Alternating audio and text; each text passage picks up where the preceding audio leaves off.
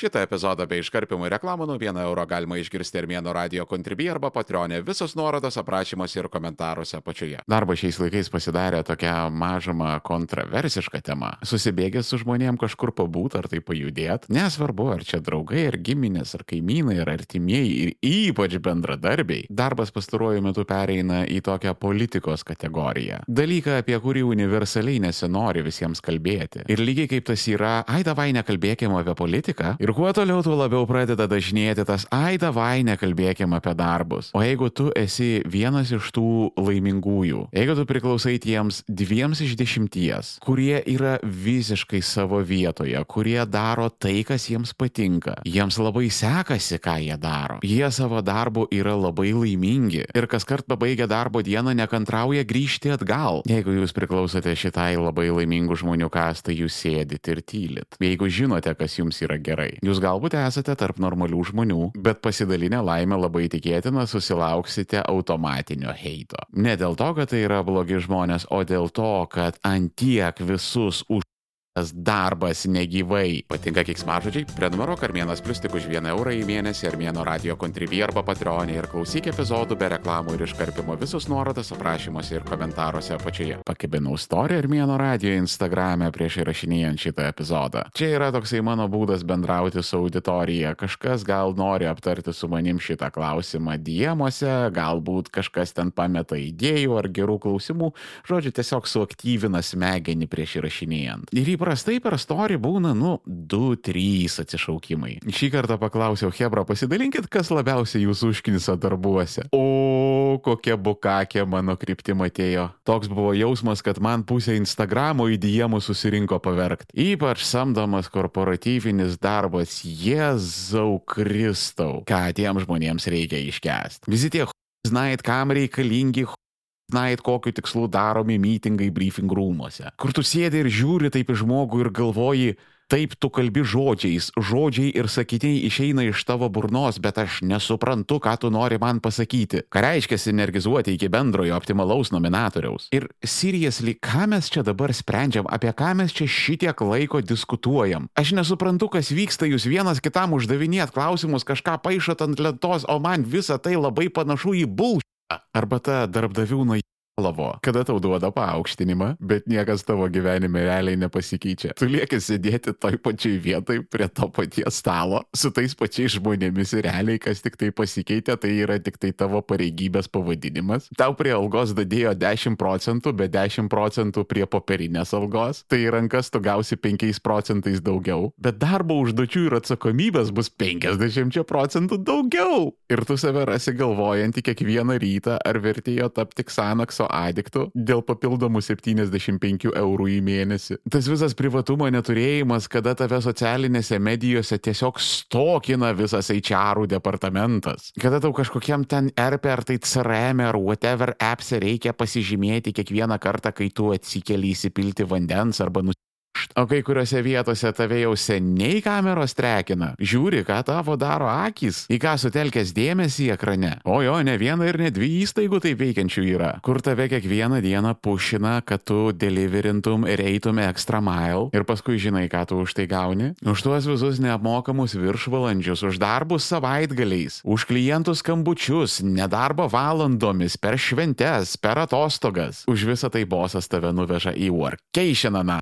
Ta prasme, žmonės man turėjo labai daug nusiskundimų papasakoti. O, pribalėlino ant dušios daugam. Pastebėjau, konsultantus visi labai myli. Nes visada yra geras ženklas, kai vieną dieną tavo darbe pasirodo konsultantai. Kanbana seniai, visi dabar dirbsim pagal kanbaną. Būsim kaip Toyota. Pasidalinkit komentaruose, kam šiurpas nuėjo. Žinau, pažįstamas jausmas visiems, kas tai yra patyrę. Nes konsultacinis biznis kas keletą metų išranda kažkokią.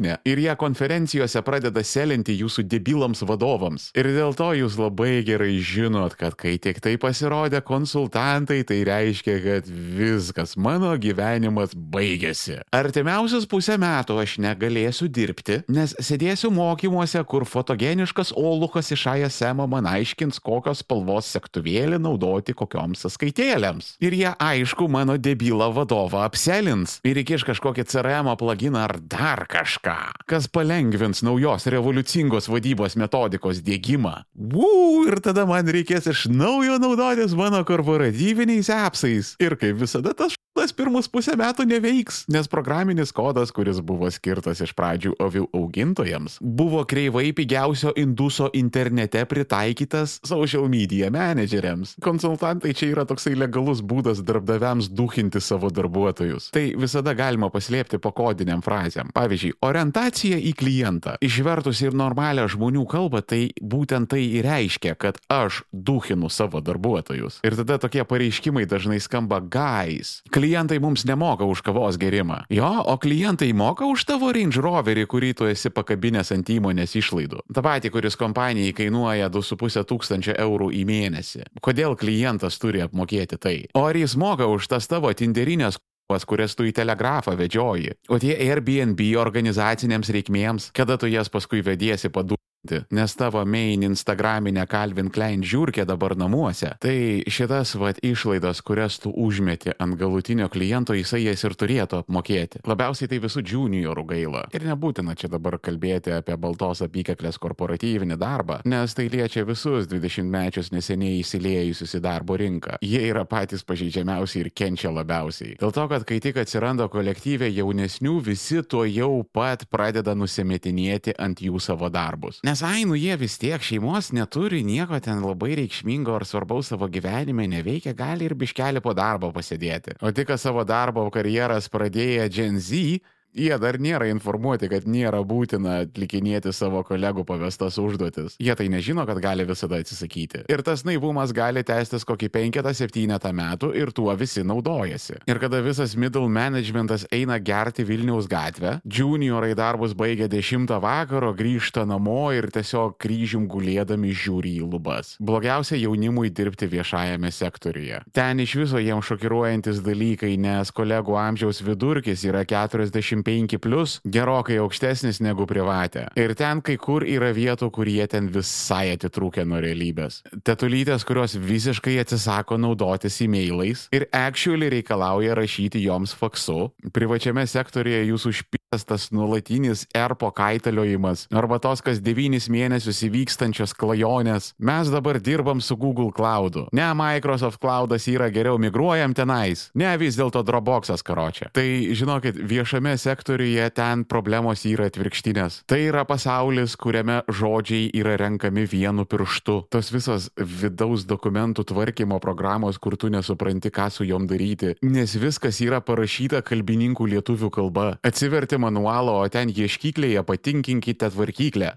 Ką, bet tave berašant tekstą insultas ištiko, ką, ką tu nori pasakyti. Anglų kalbos meniu nėra, nes o Kam? Yra lietuvių, rusų ir lotynų. Ir zoomeriams viešas sektorius visada yra labai gilus kultūrinis šokas. Čia, žinokit, vaikai, jūs dabar nusikėlėte su laiko mašina į ankstyvuosius 2000-uosius. Va taip pat viskas actually vyko Y2K. Žinot, kaip yra amišai, kurie nesinaudoja moderniomis technologijomis ir gyvena 18 amžiuje. Taip viešojo sektoriaus boomeriai yra amžinai 2000-uosiuose strigę. Ypač vaikučių šokiruoja departamento baliai, kada gerieji kolegos šauna šonpa šampano, kuršieno viniotinių užsikasdami, padaro, taip sakant, pareiškimų apie politiką ir gėjus, kurie yra tokie patys geri, kokiu galima tikėtis iš žmogaus, kuris gyvena ankstyvuosiuose 2000-uosiuose. Darbininkijos sluoksniuose tas pats statyba, prekybos centrai, fabrikai, logistika, aptarnavimo sektorius, visi ten dirbantis jaunesni žmonės yra o kaip duhinami. Už visus jie kenčia ir už visus jie dirba. Vienus ima ant baimės ir agresijos, o kitus ima ant kalties kur vadovas gailesti maksimaliai įjungęs, kad, nu žinok, neturiu, kas dirba, nu ar tu negalėtum. Aš tau aišku nieko papildomai nesumokėsiu, nei tu iš manęs laisvų gausi, aš tau būsiu labai labai dėkingas, bet that's it. Ir staiga tas dalykas, kad esame hu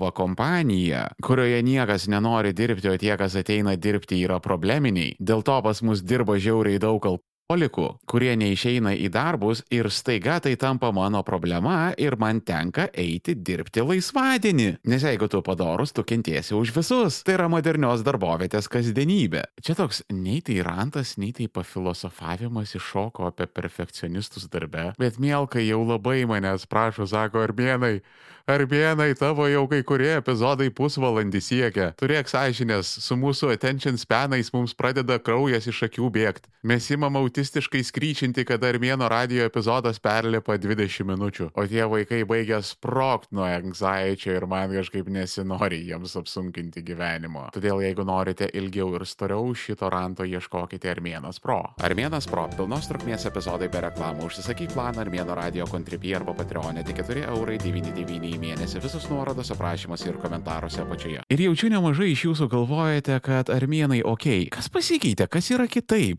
Darbas visada, visuomet, visais laikais visus už Davo. Kada buvo auksiniai amžiai, kada visi laimingi ir patenkinti eidavo į darbus, darydavo, ką norėdavo, dirbdavo, kas jiems patikdavo, viskas jiems sekdavosi ir užsidirbdavo belenkiek pinigų. Kada taip seniai yra buvę. Neieškok armėnai šiknoj smegenų tai, ką galima paaiškinti prastai žmonių pasirinkimais. Prastai mokėsi mokykloje, neįstojai į gerą universitetą, o į tą, kurį įstojai lygiai taip pat prastai pabaigiai, dėl to gavai šūną darbo Noje kompanijoje, ten tu buvai nemotivuotas bulvių maišas, todėl nepasidarai gero portfolio, dėl to tavęs niekas nelaukia geruose darbuose, kur tu galėtum save realizuoti. Priežastys ir pasiekmes, viskas, it is that simple. Žiūrėkit, Aš iščiatinau su labai daug žmonių prieš įrašinėdamas šitą epizodą. Ir žinot ką, vienas kitas buvo va iš šitos situacijos, kaip aš ką tik nupasakojau. Aš pats nustebau, kiek man parašiusių žmonių buvo aukštos kvalifikacijos high performeriai iš gerų garsių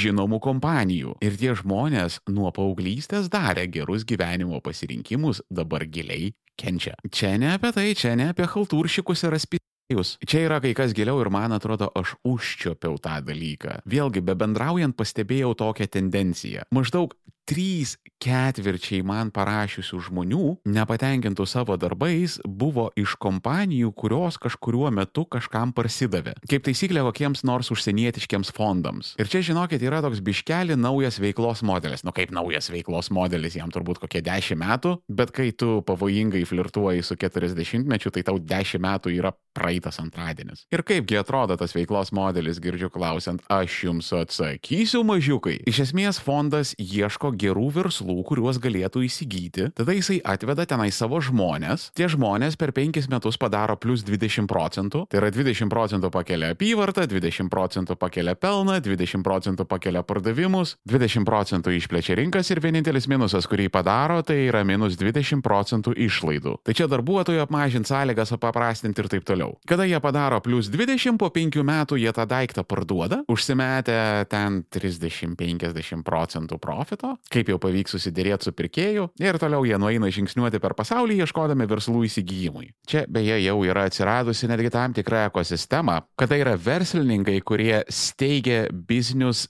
konkrečiai su mintimi, kad juos kažkada parduos kažkokiam dėdėjai. Kitas įky jau net yra turima omenyje fondai ar finansinės institucijos, kuriam mes tą dalyką siūlysim. Yra atsižvelgiama į jų portfolio ir pagal tai yra sukūriami ir išvystomi verslai. Vienas ką paramos fondas jau išsiuso daugybę orkų šventoje Ukrainos žemėje, bet tų orkų yra daug ir mums labai reikalinga jūsų pagalba juos pitti. Pitti orkus kartu su vienas ką paramos fondu. donate.onekfund.org arba ieškokit nuorodų komentaruose apačioje. Ačiū Jums labai. Vienas ką paramos fondas. Mes visus išpildėme. Ok, kame problema, kad kažkas užsidirba pinigus? Jokios. Zero. Pinigus užsidirbti yra labai gera, faina ir naudinga veikla. Tačiau reikia suprasti, kad kompanijos, kurias tu perki, parduodi, iškočioji iki plus 20 procentų, jos nėra finansiniai instrumentai, o verslai būtent į jas ir žiūri kaip į tokias. Jos sudarytos iš žmonių, iš gyvų žmonių, su šeimomis artimaisiais ir asmeniniais gyvenimais. Ir jau yra tokių kompanijų, kurioms žiauriai nenuskilo ir jos eina iš rankų į rankas, iš fondo į fondą. Vienas penkis metus pakočioja, plus 20 procentų. Tada parduoda kitam fondui, jisai irgi pradeda kočioti, jau 20 procentų nesigauna, 15 procentų, a, bet vis tiek. Galima parduoti ir neblogai užsidirbti. Tada parduoda trečiam fondui. Jie irgi pradeda workoutinti, gaunasi bėrli 10 procentų. Nu, bet vargais negalai su minimaliu pelnu, bet kažkaip tą dalyką parduoda. Galiausiai daiktas atsidūrė pas ketvirtą fondą. Jam jau niekas nepavyksta, nes ta kompanija yra kaip bodybuilderis, kuriam jau yra susmeigti visi steroidai, jisai iš džimo neišeina, jis ryja visokius augimo hormonų saujomis, jo kraujas 90 procentų yra baltymų kokteiliai ir viskas, nebėra kur aukti. Ir tada paskutinis fondas tą įmonę paskerdžia ir paleidžia padaliam. Ir aš šitai viskas saldžiai ciniškai pasakoju, bet nu taip nėra. Kiekvienas žingsnis, kiekvienas etapas, kiekviena operacija - tai yra žmonių gyvenimai, sudeginti nervai, žlugusios karjeros, griuvusios santokos. Ir tai yra to modelio prigimtis, nes atvažiuoja iš fondo žmonės. Kaip taisyklė užsieniečiai, kaip taisyklė, kuriems yra giliai pajautę kur jie atvažiuoja ir kam jie vadovauja. Aš šitos penkis metus dirbu Lietuvoje, sekančius penkis metus būsiu Airijoje, dar kitus penkis metus kokioj nors Bulgarijoje. Mano darbas pasiekti targetus tam, kad kada įvyks pardavimas aš gaučiau savo bonusą, o kiek ten kokių kiaušinių bus pridaužyta kepant šitą omletą manęs giliai nedomina, nes aš esu Instagramo sociopatas. Ir tai tik yra mano anegdotiniais duomenimis ir patirtim paremta ta hipotezė, bet aš manau, kad mes dabar kaip žmonija, kaip rūšis gyvename problemos epicentre, kurią labai gerai pamatėm per 2007-2008 metų pasaulinę ekonomikos krizę, kad kapitalizmą yra užvaldę finansai. Nes kada atsuki istoriją atgal, tai maždaug iki vėlyvų 70s finansų sektorius nebuvo arti to, koks jisai yra savo dydžių ir įtaka dabar. Anksčiau finansai ir fondai ir visi kiti panašus dalykai buvo tokia pakankamai ribota ir nišinė veikla veikla. Tada buvo tokio stambiojo pramoninio kapitalo laikai. Nesileisiu, kodėl taip nutiko, bet dėl įvairių komplikuotų istorinių, ekonominių ir politinių priežasčių finansai įsigalėjo ir pačioje pradžioje jie davė labai didelius ir gerus rezultatus, bet nuo tos 2007-2008 metų didžiosios recesijos mes matom, kad jau finansų triukai paprasčiausiai nebeveikia. Jau kilintą kartą juos turi beilautinti mokesčių mokėtojai. Ir dabar finansai finansai stagnuoja. Nesišvaistysiu tokiomis skambiomis frazėmis, kad ateina jų viešpatavimo pabaiga, nes tokie dideli monstrai jie greitai nesibaigia. Agonija gali tęstis dešimtmečių dešimtmečiais. Ir lygiai kaip finansai kažkada pakeitė stambėją pramonę kaip pagrindinis ekonomikos variklis, panašu, kad juos ateityje pakeis technologijų sektorius. Tas yra savaime suprantama dėl to, kad žmonijos visa, visa globali ekonomika yra pastatyta ant augimo. Ir ekonominiai pasauliniais čempionais tampa tie, kurie atneša patį didžiausią augimą. Senasis armėno radijas būdavo dažnai apie pesimizmą. Ne visa armėno kūryba yra internete. Prenumeruok armėnas ultra armėno radio kontribį arba patreonę ir gau prieimą prie armėno slėptuvės, kur guli visi klasikiniai armėno radio epizodai, visos nuorodos aprašymuose ir komentaruose apačioje. Nežinau, gal dėl to, kad senstu, bet naujame aš stengiuosi ieškoti optimistinių žinučių. Bet šį kartą nepavyksta. Šį kartą man yra tas įspūdis, kad šita tendencija su išsunkiančiu panašiu darbu, man atrodo, jinai greitų metų nesikeis ir viskas galbūt net ir blogės. Dėl to, kad tamsiausia būna prieš aušrą. Aš bijau, kad tie visi korporatyviniai robotai, žinot, tie žmonės, kurie visiškai imbraisina tą įmonę, kurioje dirba, kur toks jausmas, kad jie išvažiuoja į kažkokius retrytus ir jiems ten išoperuoja asmenybę ir vietoje jos įdeda kažkokį korporatyvinį androidą, kaip ten Jordan Peele filme Get Out arba Stepford Wives. Tiem žmonėms, kuriems serialas draugai yra labai jokingas. Aš bijau, kad šitie dalykai gali tapti privaloma visiems norma. Lygiai kaip kažkada nepastebimai nauja norma tapo extra mile. O tokio daikto prieš penketą septynetą metų metų nebuvo. Anksčiau mes tai vadinom darboholizmu, dabar tai yra normalizuota. Aš bijau, kad sekanti šito proceso iteracija bus jau ne apie belen kažkokius konsultantus ir žmonės iš išorės, kuriems vienodai šviečia, ką jie daro su darbo kolektyvu, o kad gali būti žymiai žymiai blogiau. Ir kompanijos kontrolė gali būti atiduota algoritmams su dirbtiniu intelektu. Galvojat blogai sociopatas bosas, jūs dar nieko nematėt. Todėl mano patarimas visiems, kurie dirbate dabar samdomą darbą, suimkite kitus ir py į kumščius ir nusiteikite ilgam purtimui. Šita siaubinga žeminanti sistema kažkada pasibaigs, bet be kovos jinai tikrai nepasiduos. Galimai laukia ilgas, vingiuotas ir dobėtas kelias. Galbūt klystu ir nusišneku, ne, kitaip pasakysiu, aš tikiuosi, meldžiu mūsų viešpati Sorošą Bafometą, kad aš būčiau labai labai suklydęs. Nes tokios kančios, kas vyksta dabartiniuose darbuose, niekas nenusipelnė. Išskyrus žmonės, kurie išrado dubstepą be jokios abejonės. Uf, kokiam čia rimtom gaidelėm viskas šį kartą baigėsi. Ok, Ramekas, Armėnas got you covered. Čia yra komedijos podkastas ir aš jums duosiu komedijos. Kitame epizode bus labai daug kokybiškų patyčių apie labiausiai užknisančius jaunus žmonės, kokie tik tai gali egzistuoti. Mėlyngalvius ir taukuotagalvius. Vieni super progresyvūs, kiti ultra regresyvūs. Abu du vienodai užknisantis. Ir jūs būtinai su jais visais susidursite per artimiausias giminės šventes. Taukuotagalviai vs. Mėlyngalviai. Kitą kartą per Armėno radiją. Jeigu nenori laukti ištisos savaitės epizodas, jau guli Armėno radio kontribį arba Patreonė prenumeruok Armėnas Pro ir klausyk visų epizodų iš anksto viso labo 4,99 į mėnesį. Visos nuorodos aprašymuose ir komentaruose apačioje. Kur dar internete būna Armėnas? Ieškokit manęs link 3 lešas Armėnas, viskas vienoje vietoje arba žiūrėkit aprašymuose ir komentaruose apačioje. Jeigu esate tikri Armėno kentai, laikinat, šėrinat, komentuojat, subscribinat ir rekomenduojat visiems. Šiandien tiek. Iki kito.